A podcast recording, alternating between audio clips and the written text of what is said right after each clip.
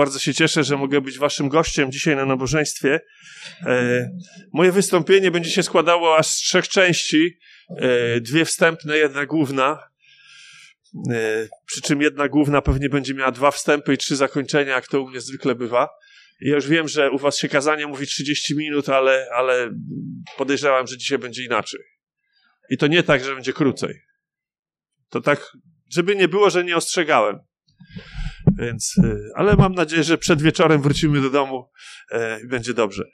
Więc najpierw chciałbym powiedzieć o, trochę o seminarium, dlatego że y, jak gdzieś jadę do jakiegoś zboru, to staram się wykorzystać tę okazję do tego, żeby przybliżyć trochę y, seminarium w radości, którego Bóg zdarzył prawie pięć lat temu, zostałem rektorem, co jest jedną z najbardziej zaskakujących rzeczy w moim życiu w ogóle.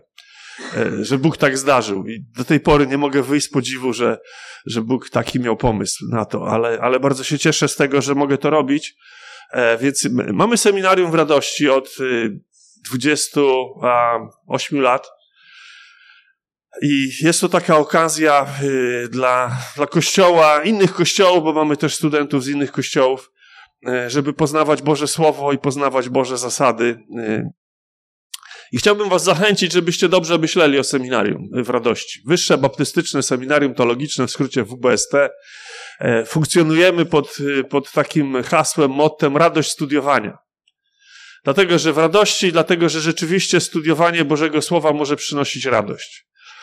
Więc chciałbym, żebyście myśleli dobrze o radości też w takim znaczeniu, nie tylko znaczeniu, żeby mu błogosławić temu seminarium, za co będę wdzięczny, ale też w takim znaczeniu, żeby myśleć, a może Bóg chciałby mnie tam widzieć w takiej czy w innej formie, roli, w roli studenta w takiej czy innej e, roli.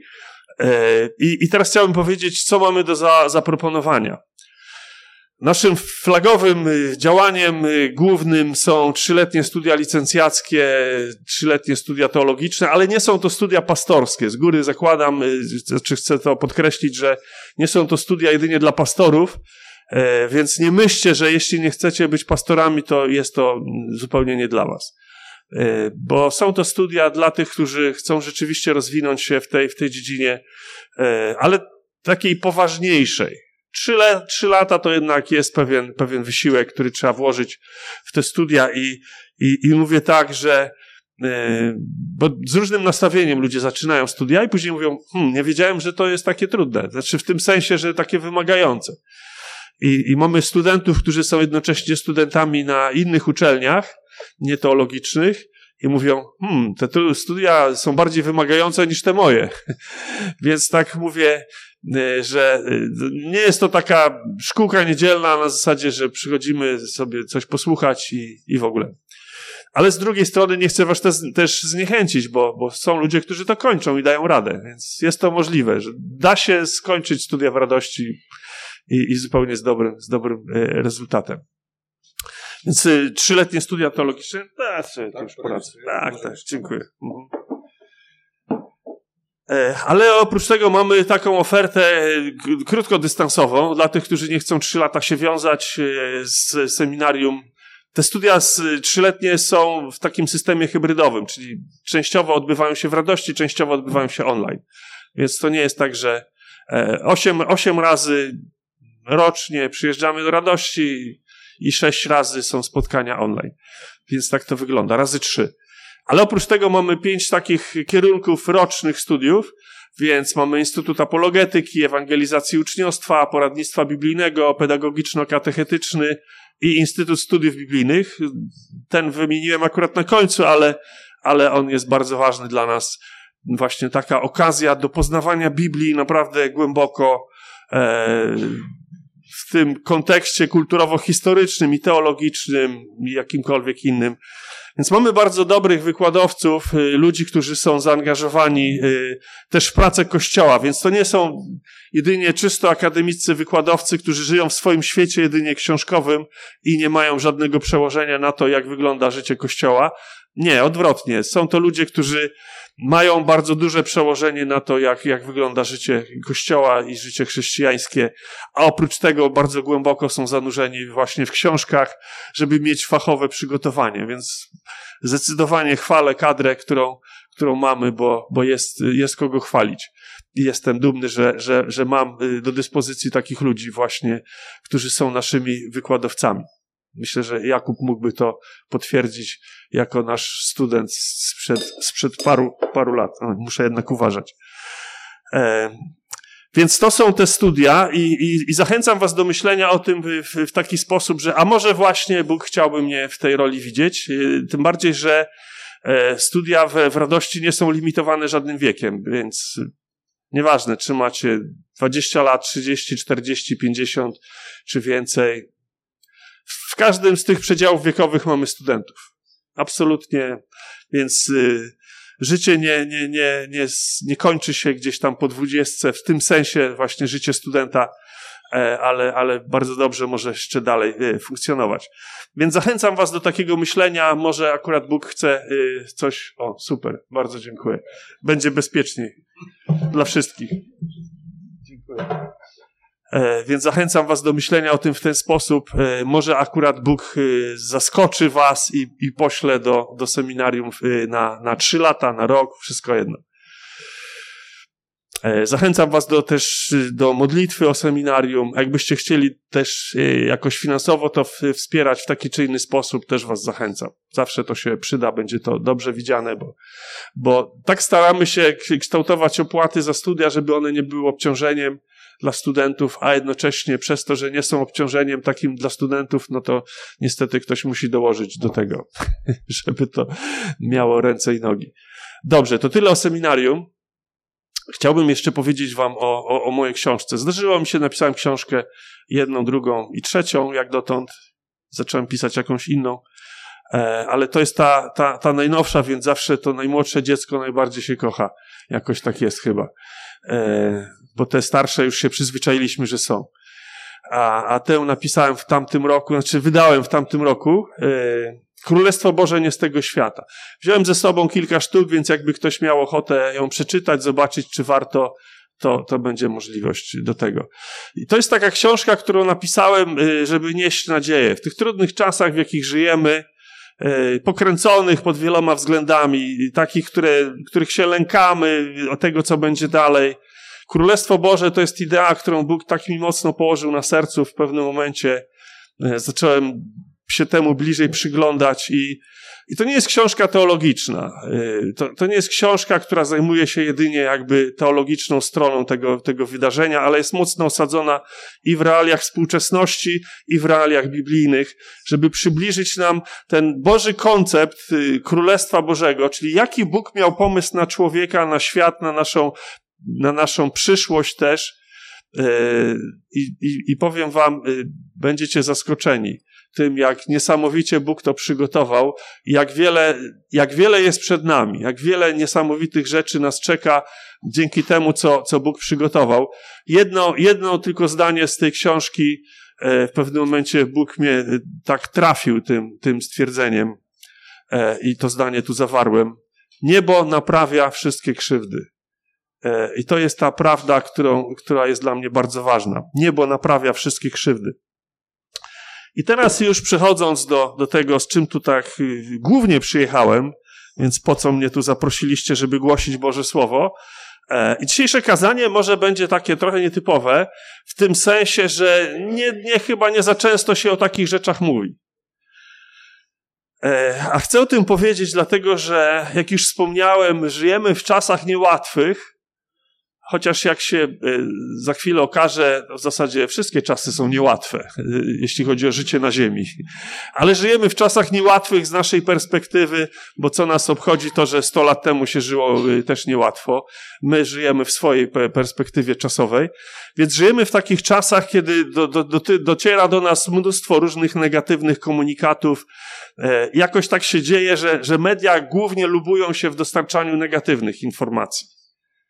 Spotykamy tam oczywiście dobre, dobre rzeczy, pozytywne, ale wybijają się najbardziej te, te negatywne, żeby, żeby właśnie jakoś tak nas trochę postraszyć. I Odkąd zaczęła się wojna na Ukrainie, to częściej zaglądam, zaglądam na pewien portal, bo on dużo o tej wojnie pisze. I tam oni mają taką część, która się nazywa ABC Zdrowie albo ABC Zdrowie, już nie pamiętam. Tylko dziwnym trafem głównie piszą o chorobach, a nie o zdrowiu. Właśnie tu, jakie tu takie są objawy, albo takie, tego się wystrzegać, tu się bać. Strasznie tam w ogóle nie chcę tego czytać, bo, bo, bo to można się naprawdę załamać i, i prędzej czy później ktoś znajdzie jakąś chorobę, która będzie pasowała do jakichś jego objawów.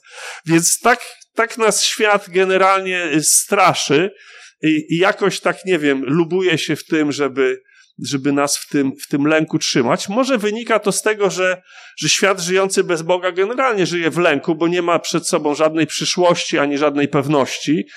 I pewnie tak chce ten lęk rozsiewać dalej, żeby, nie, żeby oni nie mieli gorzej niż, niż inni ludzie, więc niech się wszyscy boją. E, I trochę właśnie ten, ten, to negatywne myślenie dotyczące y, prze, prze, prze, przeróżnych rzeczy, które nas otaczają, e, takie negatywne myślenie dotyczące czy polityków, czy, czy, czy jakichś tam chorób, czy, czy klimatu, czy, czy jedzenia, czy przeszłości, czy przyszłości, czy jakichś spisków. I tak gdzieś to, to e, ludzi strasznie pochłania. E, I, i właśnie e, teraz co z tym zrobić? No zobaczyć, co mówi Słowo Boże i jak ono nas chce ustawić do takich właśnie sytuacji, a że, tak jak powiedziałem, to, to nie jest domena jedynie naszych czasów, to pewnie z podobnymi sytuacjami stykał się już apostoł Paweł e, z ludźmi, którzy właśnie mieli takie negatywne podejście, negatywne spojrzenie na wiele rzeczy wokół nich. I dlatego e, napisał do Filipian słowa, które będą podstawą mojego dzisiejszego kazania, czyli e, czwarty rozdział listu do, do, do Filipian, wersety ósmy i dziewiąty.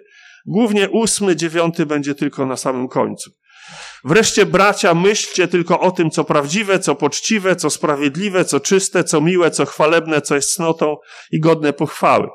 E, niektórzy myślą, o jak dobrze, tylko jeden werset to będzie szybko, ale to jest bardzo bogaty werset w treści, więc, więc trochę nam to zajmie. I, I teraz tak. Paweł na samym początku zwraca naszą uwagę na dwie rzeczy. Po pierwsze, mówi myślcie myślcie, to znaczy nie bądźcie bezrefleksyjni, nie, nie przyjmujcie bez zastanowienia tego, co podsuwają wam inni, po prostu tak jak leci. Mówi, myślcie, zastanawiajcie się, e, analizujcie sytuację. Mówi dalej, myślcie tylko o tym, co Czyli wybierajcie z rozmysłem, na, y, wybierajcie z rozmysłem to, nad czym byście chcieli się zatrzymać w swoim myśleniu, jakby z góry od, odrzucając to wszystko, co uważacie, że powinniście uważać za bezwartościowe i szkodliwe. Więc o tym nie myślcie, myślcie o tamtym. Bo zasada jest taka, że Bóg stworzył nas do myślenia. Nie wszyscy będą się cieszyli z tego powodu, bo nie wszyscy lubią się zastanawiać. Właśnie wielu ludzi e, lubi tak bezrefleksyjnie podejść do wszystkiego, wchłonąć, przyjąć i już. Natomiast e, nie bez powodu otrzymaliśmy od Boga tę cechę, która nas najmocniej odróżnia od zwierząt, czyli myślimy. Niektórzy tylko myślą, że myślą, ale są też tacy, którzy rzeczywiście myślą. E, więc nie tylko to, że myślimy, ale też potrafimy podejmować decyzje, potrafimy analizować, wyciągać wnioski.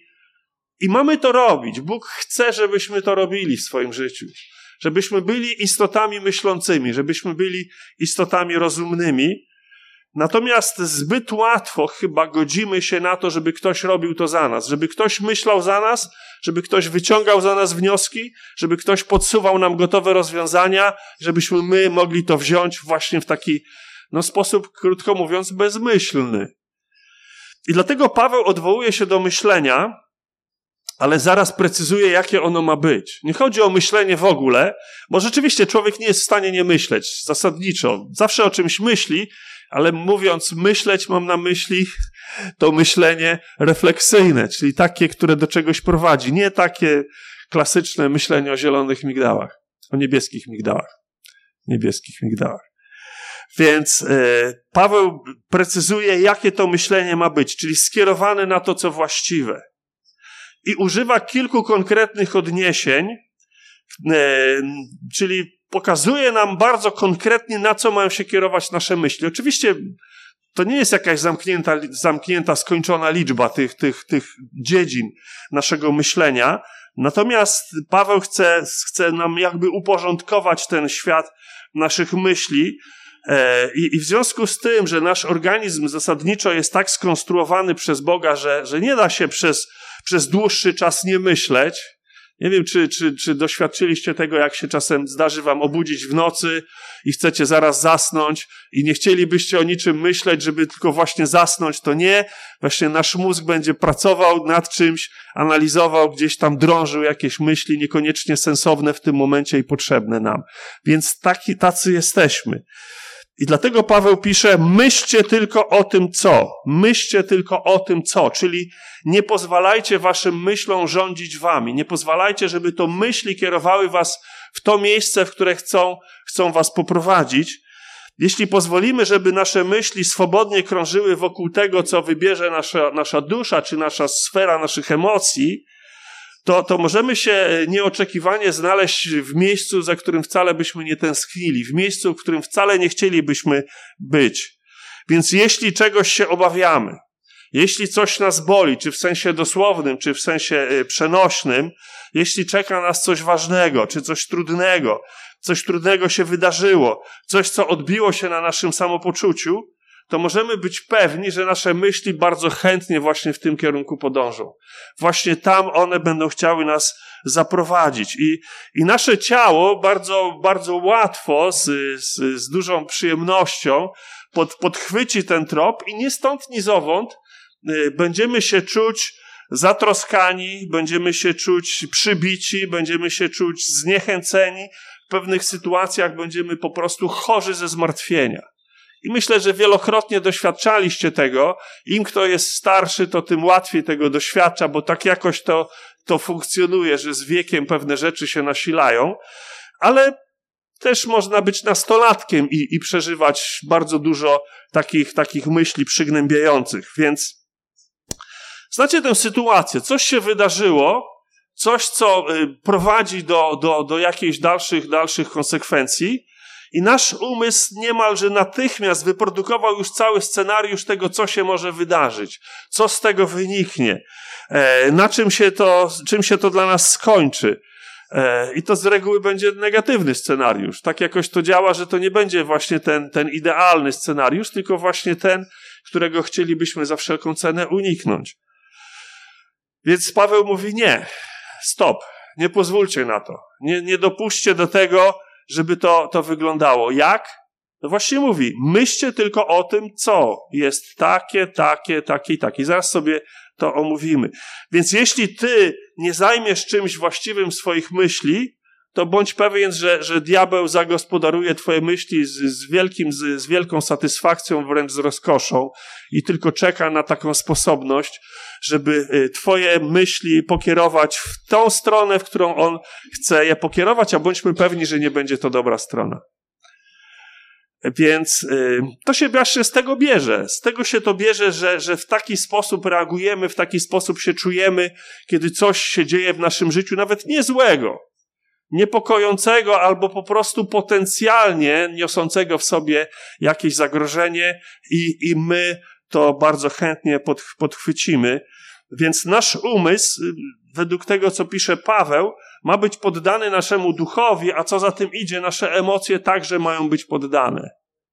Natomiast Problem jest trochę taki, że żyjemy w, w, takiej kulturze w naszych czasach, że ona mówi właśnie, żebyśmy robili coś odwrotnego, żebyśmy poddali się temu, temu swobodnemu przepływowi tych różnych myśli, emocji, żebyśmy byli sobą, czyli byli sobą w czym? Jeśli ktoś ma tendencję do zamartwiania się, to znaczy, że się ma zamartwiać i być sobą? No nie, właśnie, właśnie przeciwnie. Więc tutaj musimy być ostrożni w stosunku do tego, co, co poddaje nam y, nasza, nasza kultura. Więc y, teraz przejdźmy do Pawłowej ósemki zdrowia, tak to nazwałem, bo, bo Paweł, wymienia, Paweł wymienia osiem elementów, aż osiem obszarów, które, którym ma być podporządkowane nasze myślenie. Więc pierwsza rzecz mówi, myślcie tylko o tym, co prawdziwe. ale te to jest prawdziwe po grecku, więc y, po co myśleć o kłamstwach typu boli cię, to, to pewnie rak, to pewnie jakaś poważna choroba, to, to będę się czuć teraz już tylko gorzej i gorzej, albo, albo mamy, mamy jakąś, jakiś, jakąś, jakiś kryzys w kraju, y, gospodarczy kryzys, y, to, to pewnie stracę pracę, albo coś się zdarzy fatalnego. Więc z tego, co, co, czego uczy nas Paweł, na co chce nas wyczulić Paweł, wniosek brzmi: przestań, stop. Przestań myśleć w ten sposób. Jeśli cię boli, to pójdź do lekarza. E, sprawdź to, co się dzieje. Jeśli rzeczywiście się tym przejmujesz, jeśli masz powody, żeby się obawiać, bo się naczytałeś może jakichś strasznych rzeczy, to sprawdź, ale nie rozwijaj chorych, chorych scenariuszy. We wcześniejszej y, y, fazie, kiedy, kiedy, kiedy COVID się pojawił, to w pewnym momencie źle się poczułem. Zaraz zacząłem myśleć, czy ja czasem nie, nie mam, nie mam COVID-u. E, I już, już tam sobie obmyślałem w głowie, co tu się wydarzy dalej. E, I to jest właśnie efekt tego, że jesteśmy poddani przepływowi informacji, które, które formują nasze myślenie.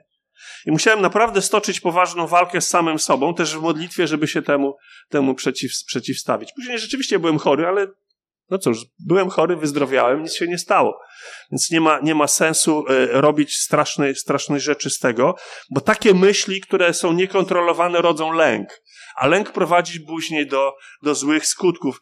Więc nasz mózg jest tak skonstruowany, że pewne przyzwyczajenia, pewne powtarzane myśli, pewne nawyki budują y, coś, co się nazywa stałymi ścieżkami neuronowymi. Takie jest fachowe określenie tego.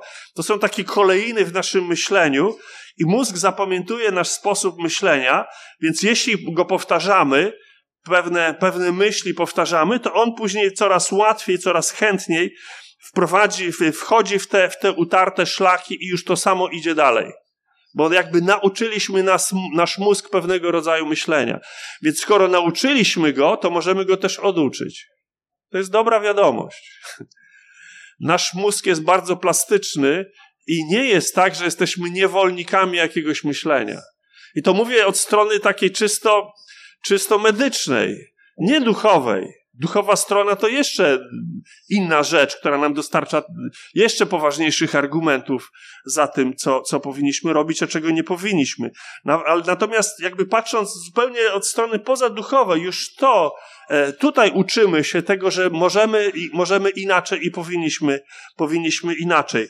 Więc, e, więc mózg zapamię, zapamiętuje ten, ten nasz sposób myślenia i na przykład jeśli, jeśli myślisz ciągle, że, że jesteś chory i że choroba się w tobie rozwija, to faktycznie ta choroba zacznie się rozwijać. Może nie akurat ta, o której myślisz, ale pewna choroba może się zacząć rozwijać i to nie jest żadna magia. To jest coś, co, co, co nazywa się e, fachowo chicagowską e, siódemką. To jest siedem chorób, y, które, y, w rozwoju których biorą udział czynniki psychologiczne. Właśnie nasze myślenie. E, I teraz wam wymienię te choroby. Będziecie zaskoczeni.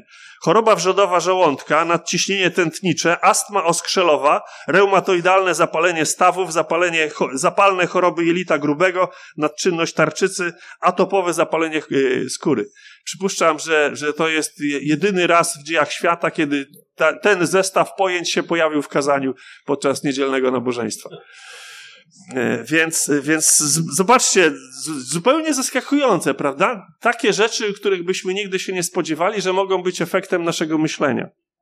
Ale to jest medycyna, to, tego uczy nas medycyna, to nie są zabobony i, i to nie jest jakaś, jakaś właśnie y, nauka typu magiczne myślenie. Inna rzecz, jeśli, y, jeśli słyszysz, że jesteś nieudacznikiem w swoim życiu, jeśli zaczynasz to powtarzać, to w pewnym momencie zaczynasz w to wierzyć, że rzeczywiście jesteś nieudacznikiem i później w, przy każdej okazji wyciągasz właśnie taki wniosek. No proszę, nie udało mi się, bo mi się nigdy nic nie udaje, bo ja jestem do niczego. Zmień myślenie, przestań myśleć w ten sposób. Więc yy, myśl o tym, co prawdziwe. Paweł mówi, myśl o tym, co prawdziwe, ale co jest prawdziwe? Czyli co Paweł ma tak naprawdę na myśli, mówiąc o tym, żebyśmy myśleli co prawdziwe. Więc myśl o tym, co Bóg myśli o tobie, nazywając cię solą ziemi i światłością świata. Bóg ma myśli o nas, które są dobrymi myślami. Bóg ma wszelkie dane ku temu, żeby myśleć o nas jak najgorzej, bo zna wszystkie nasze tajemnice, sekrety i takie myśli, których sami się wstydzimy przed sobą, a co dopiero przed innymi. Więc Bóg pierwszy powinien źle o nas myśleć, a Bóg myśli o nas dobrze. To jest jakiś fenomen. To jest fenomen Boga, oczywiście, że on taki jest. Ale to jest fenomen Boga, który też uczy nas czegoś o nas samych. Więc jeśli Bóg w ten sposób o nas myśli, to znaczy, że prawdziwe jest to, co myśli Bóg, a nieprawdziwe jest to, co mi się wydaje, że jest takim. Więc co jeszcze jest prawdziwe? Prawdziwe jest to, co jest prawdą o Bogu, jaki jest Bóg w ogóle. To, co jest prawdą o Twojej przyszłości, o czym mówi Bóg. To jest prawdziwe, o czym możesz myśleć. Co jest prawdą o naszej przyszłości? No to, że jesteśmy zbawionymi ludźmi, mówię o tych, którzy tej prawdy doświadczyli, inni muszą jej doświadczyć, żeby mieć o czym prawdziwym myśleć, więc, y, więc prawdziwe jest to, że Bóg zadbał o naszą przyszłość. Więc nie musimy się martwić, obawiać tego, co będzie, bo to, co nas czeka, to są dobre rzeczy. To są dobre rzeczy związane z Bożym Królestwem, które zapanuje całkowicie i też w naszym życiu zapanuje, i przez, przez to będziemy y, doświadczać tego, jak niesamowicie dobre rzeczy Bóg wprowadzi do naszego życia, i taki ma zamiar od początku. Że one są tym, co nas czeka w rzeczywistości. Nie jakieś plagi, nie jakieś przekleństwa, nie jakieś rzeczy. Ja teraz, żeby być dobrze zrozumianym, ja nie, nie głoszę te, teologii, która mówi, że nic złego nas nie może spotkać, bo to nie jest biblijna teologia. Natomiast mówię o tym, co, co jest ostatecznym rezultatem naszego życia.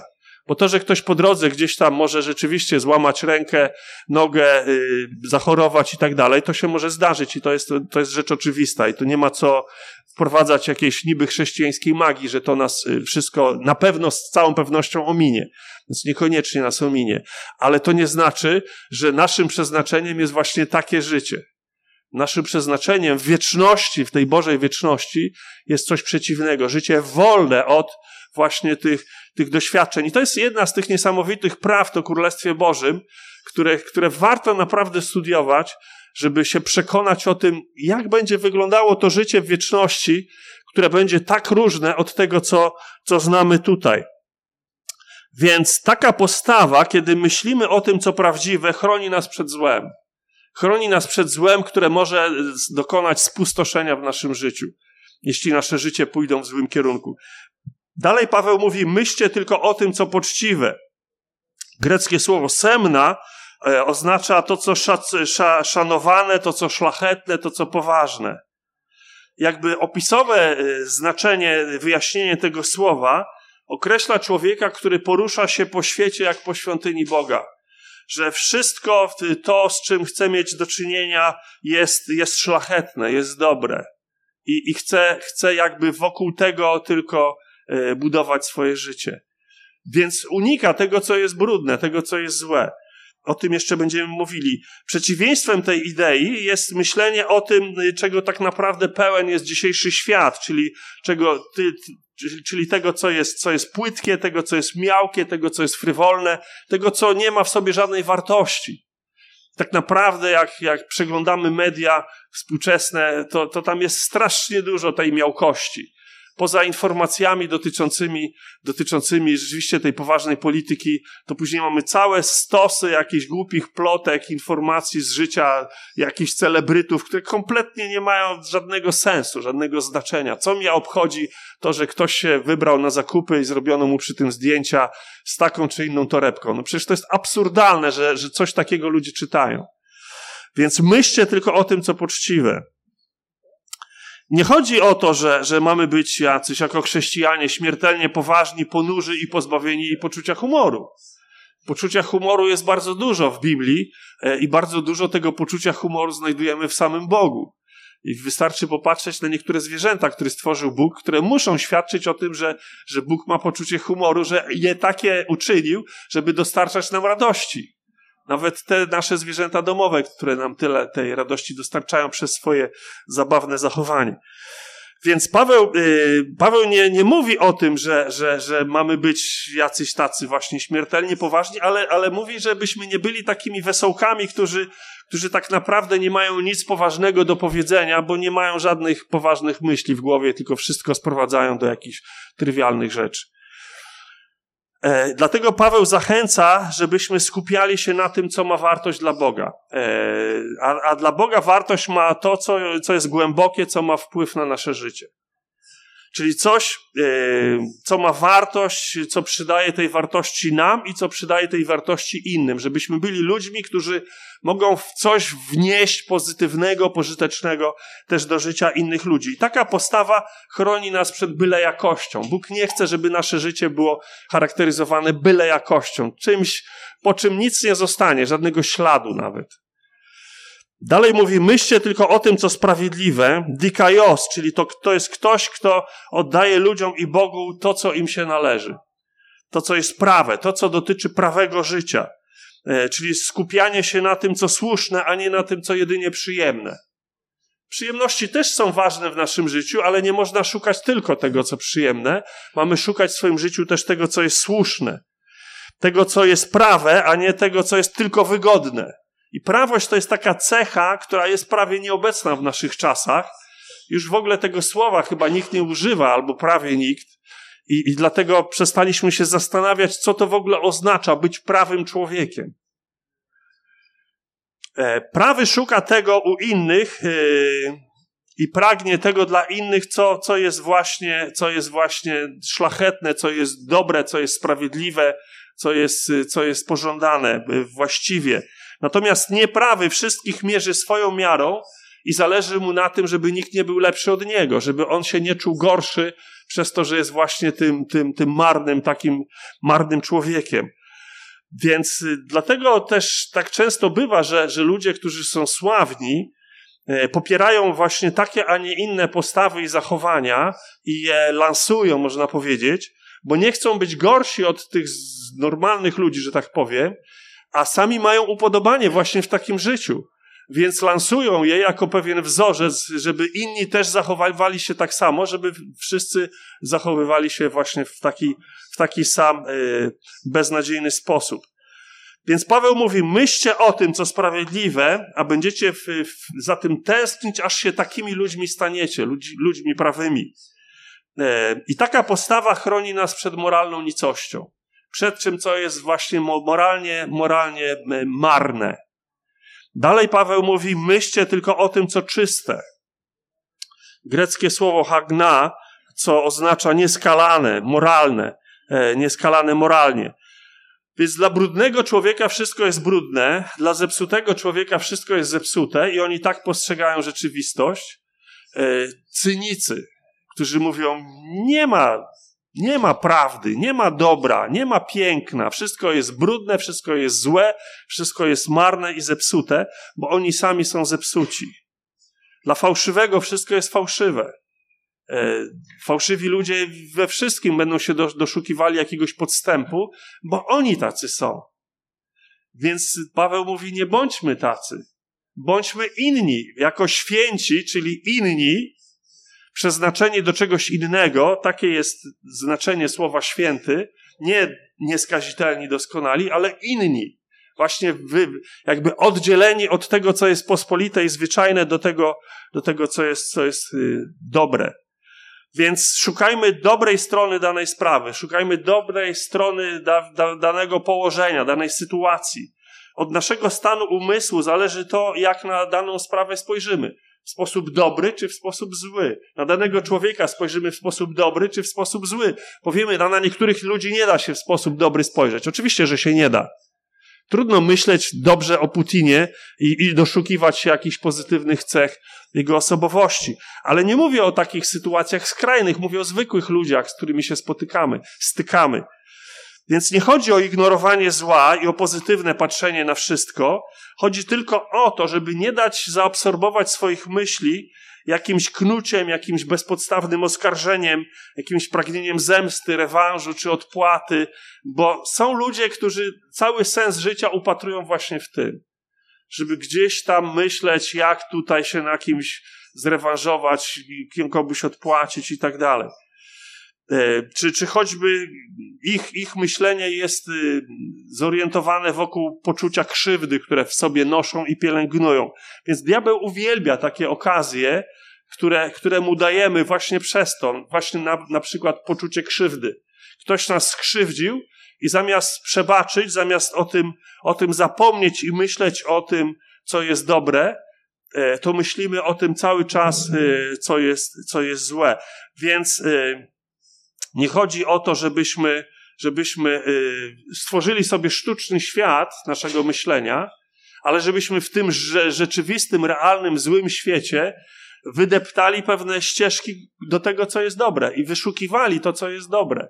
I skupiali się na tym, co jest dobre, y, mając świadomość, że tu jest mnóstwo złych rzeczy, ale od nich się odwracając, a skupiając się na tym, co jest, co jest dobre, y, bo bo diabeł właśnie skupia naszą uwagę na tym, co jest złe, e, na tym, co jest właśnie brudne, e, żeby, żebyśmy w ten sposób e, sami czuli się brudni i żeby nasze życie było jeszcze gorsze.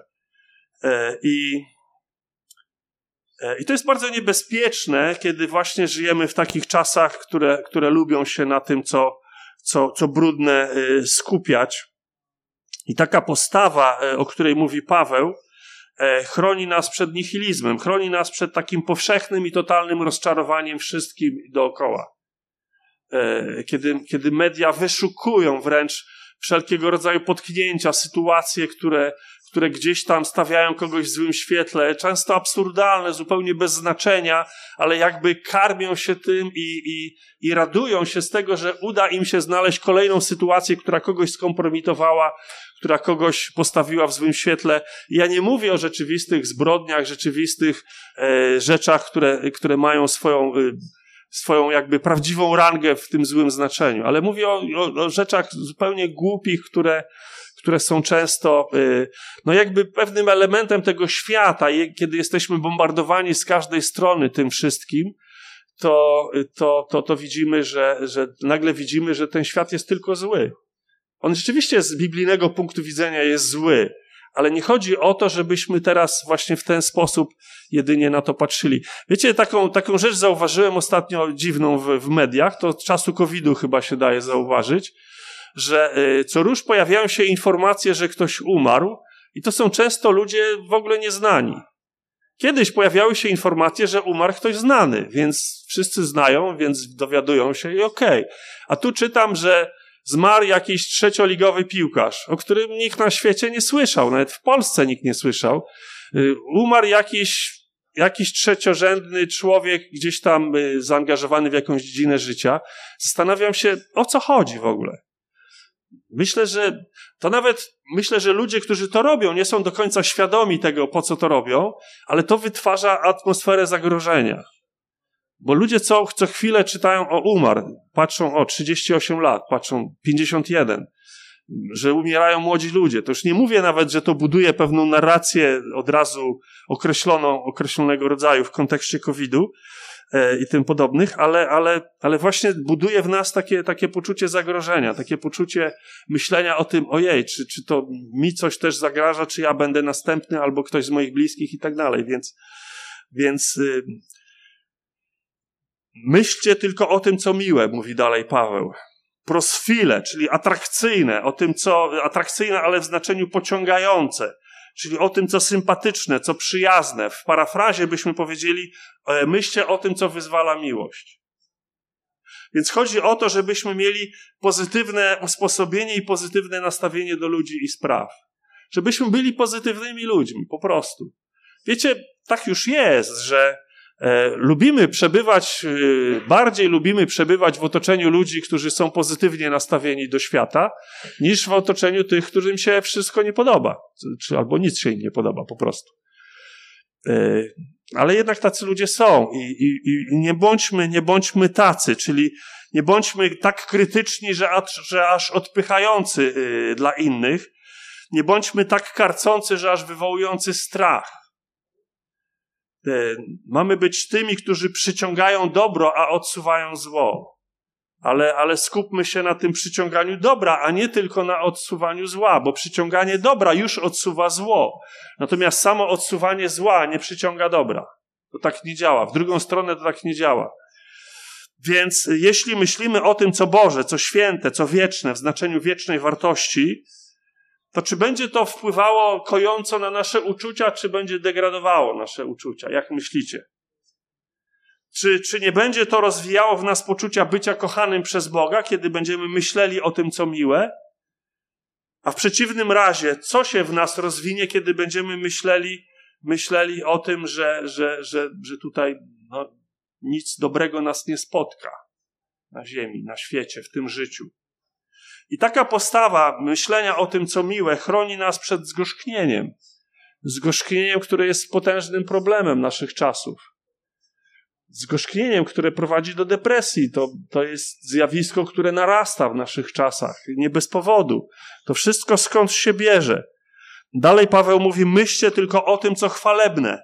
Eufema to jest coś, co, co brzmi dobrze, coś, co ma dobrą sprawę, dobrą, dobrą sławę, coś, co określa sprawiedliwą mowę. To jest właśnie to eufema, stąd pochodzi nasze słowo eufemizm, który, które y, oznacza, że tym, tym określeniem zastępujemy inne określenia, które mogą razić czy, czy ranić. I popatrzcie, mamy dwóch ludzi, wyobraźmy sobie, mamy dwóch ludzi, jeden z nich, e, jeden z nich całe swoje życie poświęcił pielęgnacji, yy, myśleniu o zemście, pielęgnacji goryczy, pielęgnacji zranienia, którego doświadczył. Do czego go to doprowadzi? Jaki będzie kres jego życia? a nawet nie tylko kres, ale, ale przebieg jego życia.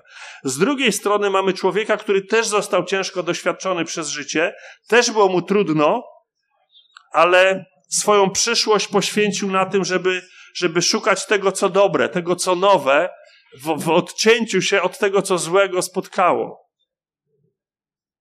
Czyli odcięciu się od tego, czego, czego w swoim życiu doświadczył. Kto lepiej na tym wyjdzie? Na takiej czy drugiej postawie?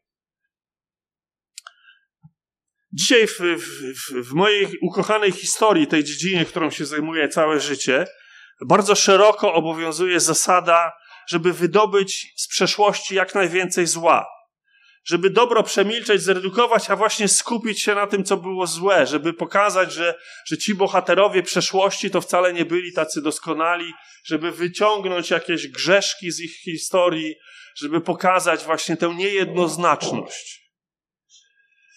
W imię prawdy myślicie, że ktoś to robi? Żeby pokazać, jak było, jak było rzeczywiście, naprawdę? Nie bądźmy naiwni, że ktoś to robi w imię prawdy i chce odkryć przed nami prawdę. Raczej w imię upodlenia i napełnienia wstydem. Żeby pokazać, że historia, przeszłość, historia Polski, bo to bardzo mocno jest widoczne w przedstawianiu historii Polski, e, jest czymś, co powinno nas napełniać wstydem. Nawet, nawet ukuto takie pojęcie jak pedagogika wstydu, czyli, czyli uczenie ludzi tego, że mają się wstydzić tego, kim są, z, z, z, jakiej, z, jakiego, z jakiej przeszłości się wywodzą, z jakiej tożsamości się wywodzą. Ma to nas napełnić tym poczuciem wstydu. Po co? Dlaczego? Pytam. Czy to nas uczyni lepszymi ludźmi? Czy uczyni nas gorszymi ludźmi, bo właśnie takimi zniechęconymi, zgorzkniałymi, więc y, jaką można mieć motywację do zmiany, jeśli, jeśli uczeni jesteśmy tego, że wokół nas jest samo zło, a dobro jest znikome i tak naprawdę tylko pozorne? Co w nas to zbuduje wtedy? Natomiast Biblia pełna jest wezwań do wspominania dobrych czasów, do pielęgnowania y, pamięci o tym, co było dobre. Owszem, zła nie ukrywamy i Biblia o, o tym też mówi, ale jak czytacie psalmy, to tam bardzo wiele psalmów jest poświęconych właśnie temu, żeby wspomnieć ten, te momenty, kiedy Bóg działał w naszym życiu. I to też ma bardzo ważne, ważne znaczenie dla naszego zdrowia duchowego, bo, bo kiedy pielęgnujemy pamięć o tym, co było dobre w naszym życiu, to, to jednocześnie jakby to, to, co było złe, staje się mniejsze. I kiedy człowiek na przykład jest zniechęcony Bogiem, bo takie rzeczy się zdarzają w naszym życiu chrześcijańskim, duchowym, bo coś tam nam się w życiu nie poukładało.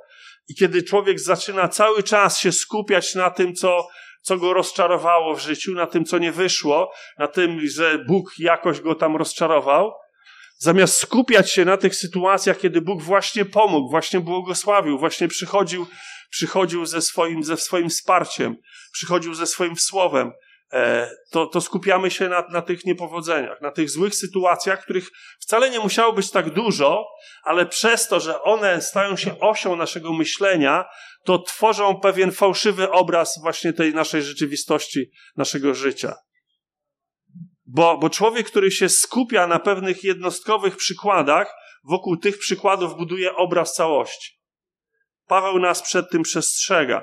Taka postawa chroni nas, chroni nas przed, przed zniechęceniem, bo, bo, bo, bo, bo e, jeśli skupiamy się na tym, co złe, to nas zniechęca, bo myślimy sobie, to wszystko nie ma sensu, bo i tak to się wszystko źle skończy. Jeśli teraz jest dobrze, to tylko znaczy, że później będzie źle, więc nie ma co się cieszyć, że jest dobrze, bo później zło i tak nas dogoni. Są ludzie, którzy mają takie myślenie naturalnie, więc naturalnie powinni z tym walczyć. I są ludzie, którzy takiego myślenia gdzieś nabywają po drodze, między innymi dlatego, że z takimi ludźmi się gdzieś tam stykają i od nich przejmują to, co złe. Więc my mamy być tymi, od których ludzie przejmują to, co dobre. Myślcie tylko o tym, co jest cnotą, Paweł mówi dalej, czyli arete. W Grece to słowo opisało, opisywało wszystkie rodzaje doskonałości. Paweł używa go tylko raz w Nowym Testamencie, właśnie tutaj. Piotr używa go trzy razy, więc nie, nie jest to częste słowo w Nowym Testamencie. I teraz jesteśmy zachęcani do tego, żeby zmierzać ku rozwijaniu w sobie tego, co jest właśnie dobre, tego, co zbliża nas do Boga, do Jezusa. Żeby na tym, na tym się skupiać. E, myśli o, niedoli, o niedoli do niczego dobrego nas nie doprowadzą, tak naprawdę. Ich skutkiem jest rezygnacja, bo jeśli skupiamy się na tym, co nam w życiu nie wyszło, to nas prowadzi do rezygnacji i, i człowiek w pewnym momencie powie: Już mam tego dosyć, już nie będę próbował następny raz, bo to zawsze się kończy tak samo. Fałszywy obraz, że to się zawsze kończy tak samo, bo to się nie, bo to nie jest tak, że zawsze się kończy tak samo, ale jeśli sobie zaczynamy wmawiać, że zawsze się to kończy tak samo, to w końcu w to uwierzymy i następnym razem już nie podejmiemy nawet próby, żeby zrobić jeszcze jedną, jedną, jedną próbę właśnie e, przeciwstawienia się, bo uznamy po co, skoro zawsze się to kończy tak samo. Więc absolutnie coś fałszywego, absolutnie coś, coś takiego, co, co, co właśnie prowadzi nas, nas do, do złych rzeczy. I to odbrązawianie bohaterów, o którym mówiłem przed chwilą, nie sprawia, że oni stają się prawdziwsi tacy no, z krwi i kości mówi się, że, że to są ludzie, którzy wreszcie są takimi prawdziwymi ludźmi, że, że, że, że e, wydaje się, że to jest dobre. Nie, to sprawia, że dobro przegrywa. Bo właśnie patrzymy na to właśnie w ten sposób, że, że dobro przegra, bo, bo nawet ten, który wydawał się dobry, to okazał się niedobry i tak dalej. Więc dobro przestaje być pociągające, dobro się staje pewną nierealną ułudą i postawa, w której, yy, której myślimy tylko o tym, co jest cnotą, chroni nas przed utratą nadziei. A to jest niesamowicie ważna rzecz w naszym życiu, żebyśmy byli ludźmi nadziei i tę nadzieję cały czas posiadali. I w końcu ostatnia rzecz, Paweł mówi, e, myślcie o tym, co jest godne, godne pochwały. Epainos. Godne pochwały. Lubicie być chwaleni? Czy jest ktoś, kto nie lubi być chwalony? Na pewno się zdarzy, ale, ale generalnie generalnie lubimy być chwaleni. Natomiast pewnie nieczęsto nam się to zdarza. Więc Paweł zachęca nas do tego, żebyśmy dawali jak najwięcej powodów do tego, żeby, żebyśmy mogli być chwaleni. Bo to też nie chodzi o to, żeby, żeby chwalić, chwalić bez powodu. Taka trochę kultur, kulturowo się taka rzecz rozwinęła, żeby, żeby chwalić nawet jak, jak nie ma żadnych, żadnego powodu, że jak ktoś zajmie ósme miejsce, to się go chwali, bo zajął wspaniałe ósme miejsce. E, więc no nie, no jak zajął ósme miejsce, to znaczy, że przegrał, a nie wygrał. E, I, I, nie ma co tutaj y, cudować. No, natomiast chodzi o to, żeby jednak y, robić wszystko, żeby, żeby były powody do, do chwalenia. Więc chcę żyć tak, żeby tym, którzy mnie kochają, dostarczać jak najwięcej e, radości i dumy. I wiecie, nasz Ojciec w niebie uwielbia te sytuacje, te okazy, kiedy może się nami cieszyć kiedy zrobimy coś, co zasługuje na, na aprobatę w jego oczach. Kiedy nie zrobimy tego, co przysporzyłoby mu smutku, więc udało się, że powstrzymaliśmy się przed jakąś sytuacją. Wyobrażam sobie, jak, jak Bóg chwali się nami w niebie wobec swoich aniołów, kiedy ma ku temu powód, mówi: Zobaczcie, to mój syn. Mój syn. Tak jak rodzice się chwalą swoimi dziećmi dumni, kiedy ich dzieci coś osiągnęły i są, i są przeszczęśliwi z tego powodu, i Bóg w taki sam sposób mówi o nas. Mój syn, moja córka, zobaczcie, to moje dziecko takie jest. Jaki jestem z, z niego dumny. I Bóg uwielbia to robić. Nam się wydaje, że Bóg nie ma powodu, żeby tak, żeby tak robić, ale on, on te powody ma dzięki Jezusowi. Nie dzięki temu, że my jesteśmy wspaniali i w ogóle doskonali, ale dzięki temu, że, że Jezus nam, nas takimi, takimi czyni e, i, i Bóg widzi nas, patrząc na nas, mając przed sobą Jezusa. Bóg patrzy na swojego syna i widzi za, za, za nim, widzi swoje, swoje dzieci właśnie w nas. Więc to dzięki niemu. E, Bóg ma powody, żeby nas chwalić. Bądźmy tego, bądźmy tego świadomi, że, że nie, nie, nie sami z siebie zapracowujemy na to, to jest Boże działanie w nas, ale e, mamy wokół siebie tych, dla których nasze życie się liczy i to, jacy jesteśmy, jacy się stajemy, jest, jest e, wielką rzeczą dla nich. I to też jest niesamowite, żeby to nas zachęcało do tego, żeby, żeby właśnie być takimi ludźmi, którzy, którzy będą dla innych zachętą, którzy będą dla innych też powodem do dumy. Ktoś mnie nauczył kiedyś pewnej ważnej zasady. Jeśli masz o kimś powiedzieć coś złego, to pomyśl o trzech dobrych rzeczach, które mógłbyś o tej osobie powiedzieć. I to daje nam takie, taką równowagę, żebyśmy się nie uprzedzali do ludzi żebyśmy się nie uprzedzali, że o, ten już, z niego już nic nie będzie. Jeśli uda nam się znaleźć trzy dobre rzeczy o tej osobie, wtedy możemy tą jedną złą powiedzieć. Jeśli nie uda nam się, to, to przemilczmy. Bo to nic y, i tak y, z tego nie wyniknie. To nas uchroni przed uprzedzeniem i to pozwala, pozwala zachować przekonanie, że dobro zwycięża. Taka postawa y, chroni nas, ta, ta ósma postawa chroni nas przed, przed poczuciem porażki. I teraz reasumując, czyli to jest ta dobra wiadomość, że już zbliżamy się do końca. Nie wiem, kiedy koniec nastąpi tego kazania, ale już jest niedaleko. Więc to, na czym skupiamy nasze myśli, jest y, kluczowe dla tego, co będzie motorem naszego działania. I właśnie tak Bóg mówił do swojego ludu jeszcze w Starym Testamencie, w księdze Jeremiasza. Albowiem ja wiem, jakie myśli mam o was, mówi Pan. Myśli o pokoju, a nie o niedoli, aby zgotować wam przyszłość i natchnąć nadzieją. To jest Boży sposób myślenia, to jest Boży sposób działania, który Bóg chce nam zaszczepić.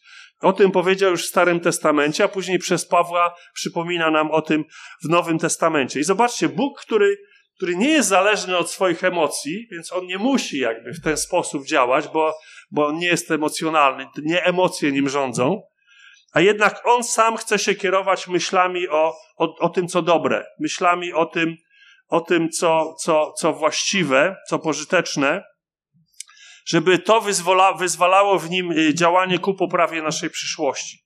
Takie działanie, które wywołuje i podtrzymuje nadzieję. I to jest postawa, którą Bóg chce nam zaszczepiać. Ale jest jeszcze jeden problem na koniec. Ostatnia rzecz. Jak? Najtrudniejsze pytanie. Zawsze, yy, wiecie, łatwiej jest powiedzieć co, co należy zrobić. Dużo trudniejsza kwestia to, jak to osiągnąć, jak to zrobić. Jak to może być możliwe, żeby osiągnąć taki, taki sposób życia, o jakim pisze Paweł? Jak to jest możliwe, żeby w taki sposób myśleć, kiedy naturalne jest dla nas, żeby myśleć w sposób odwrotny, żeby kierować się tymi wszystkimi negatywnymi rzeczami? Jak to jest możliwe w ogóle, żeby kontrolować swoje myślenie? Więc to nie działa automatycznie. To nie jest tak, że wystarczy, że dowiedzieliście się i teraz już od razu e, będziecie wspaniale we wszystkim e, w ten sposób e, funkcjonować. Tutaj nie pomoże e, nałożenie rąk, nie pomogą jakieś dziwne sytuacje różne, takie, które są drogą na skróty. Modlitwa jest rzeczą dobrą, oczywiście, że tak i, i należy, należy się modlić o to, ale też bądźmy, bądźmy poważni. Modlitwa nie działa w ten sposób, że jest wypowiedzeniem zaklęcia, że się pomodliliśmy o coś i, i natychmiast to się stanie.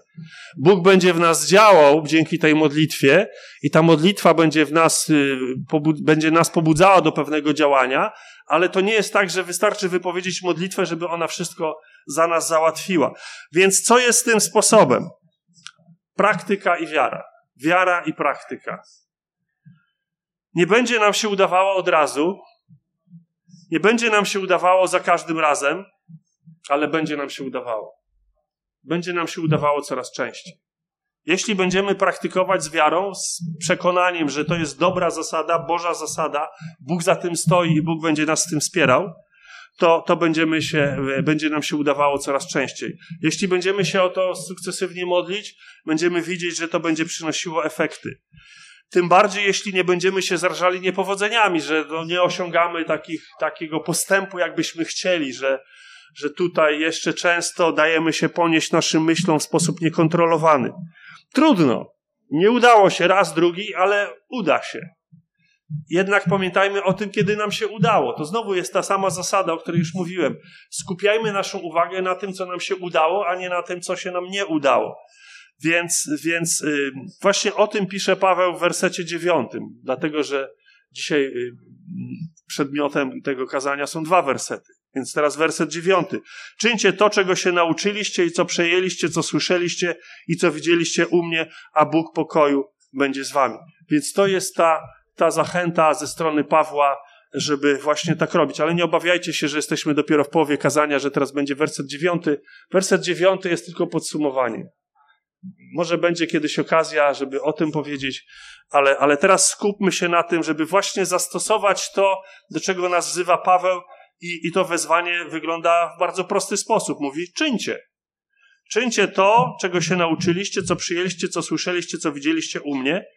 I Bóg na pewno będzie z wami, jeśli poweźmiecie ten dobry zamysł do, do swojego życia.